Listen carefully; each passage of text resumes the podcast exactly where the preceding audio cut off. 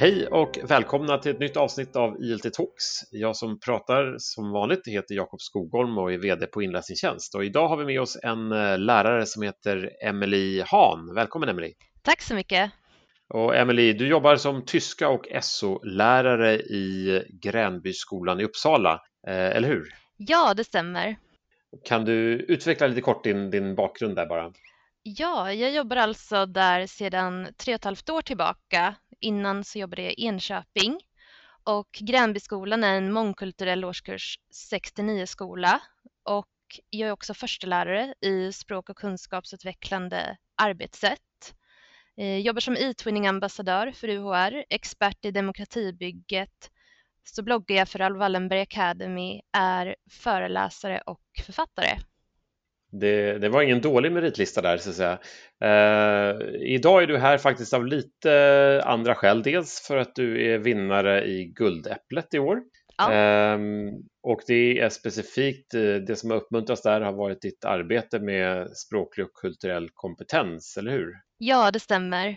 Och, och där finns också lite din, din kärna av varför vi vill prata med dig idag. Ta in världen i klassrummet är kanske det som gör dig mest eh, igenkänd. Kan du utveckla vad, vad vill du mena med det?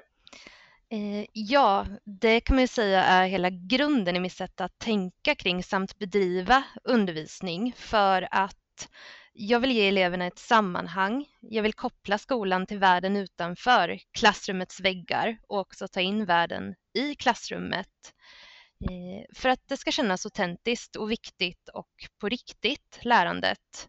Eh, jag vill också bygga broar för ett livslångt lärande och ge eleverna kunskap och erfarenheter som de har nytta av här och nu, men även som de känner att de har nytta av i framtiden. Och eh, lokalt så kan det handla om att det är lokalt på skolan eller i Uppsala. Och det kan ju handla att vi tar oss ut fysiskt, men vi kan också ta oss ut digitalt och även ta in världen fysiskt eller digitalt och nu i de här pandemitiderna som vi lever i nu så blir det ju digitalt helt enkelt, både lokalt, nationellt och internationellt såklart. Eh, men... Vad, vi, vi, vi, kommer tillbaka lite mer till det där och, och ska gräva i liksom hur det här på riktigt. Men mm. Guldäpplet, eh, hur, hur känns det? Eh, det känns jättehedrande, stort och roligt och det känns ja, väldigt fint och hedrande som sagt att ha fått det här priset just för mitt sätt att arbeta.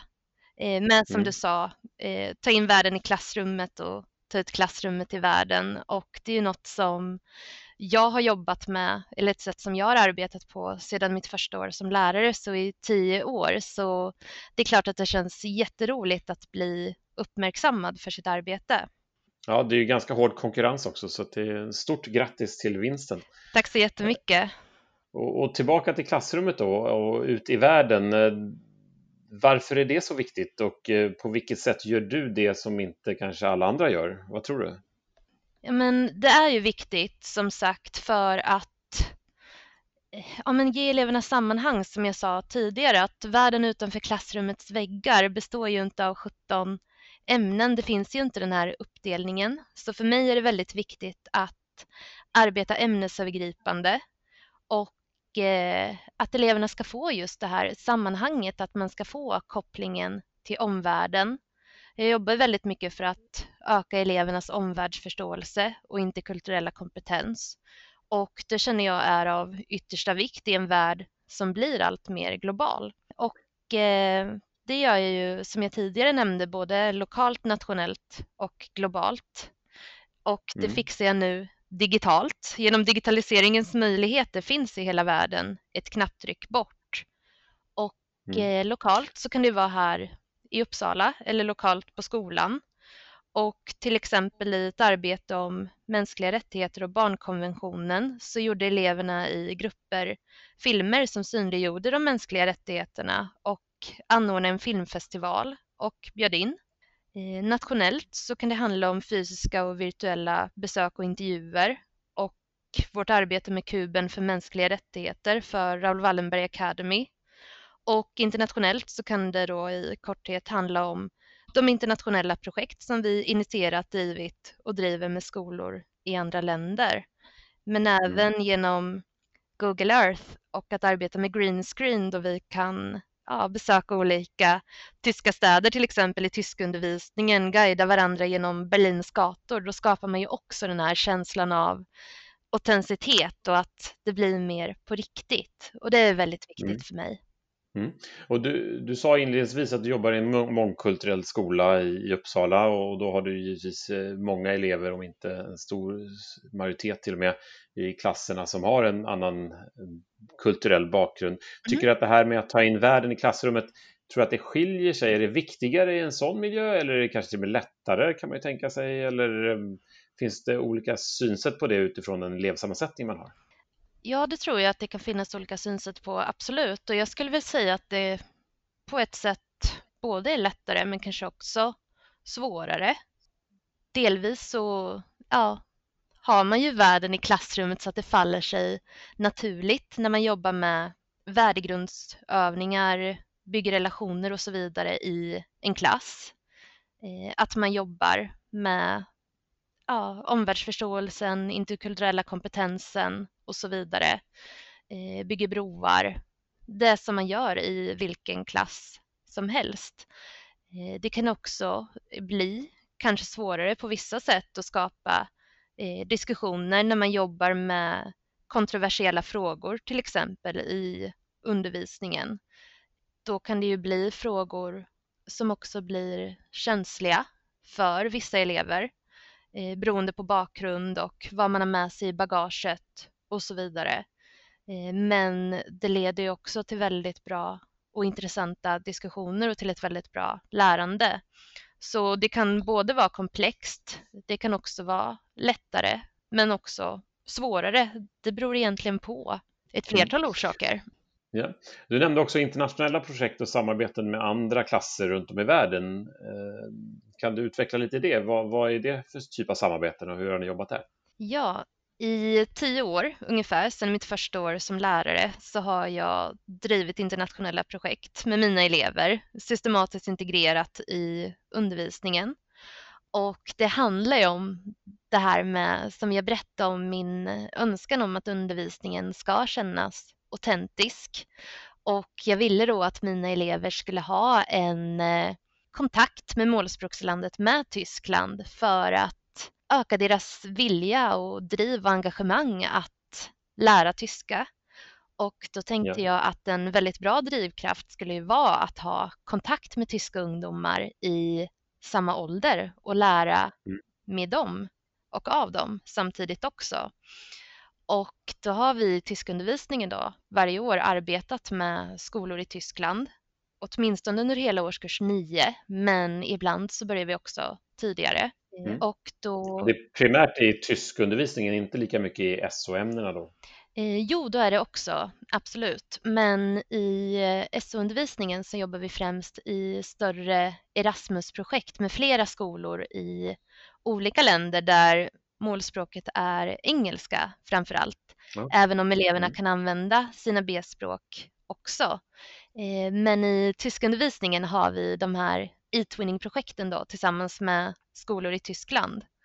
Och då har vi då en uppgift per månad ungefär som vi jobbar med i e-twinning-projekten i tyska och eh, vi sätter en deadline när uppgiften ska vara färdig och finnas då på projektets Twinspace som är hemsidan på e-twinning.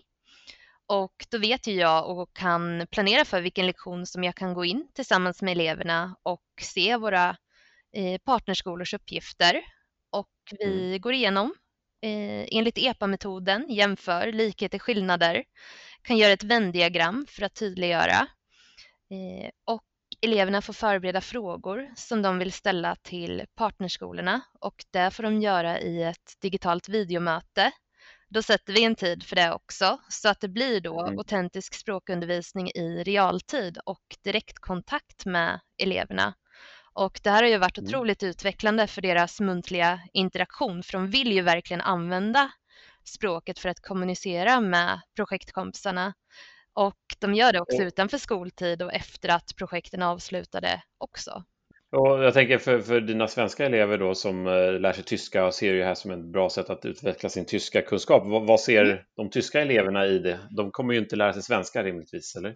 Den frågan får jag ofta, eh, framförallt från andra språklärare i tyska då att ja, jag förstår ju vad det ger er, men varför vill de tyska skolorna mm. samarbeta med er i ett projekt där målspråket är tyska?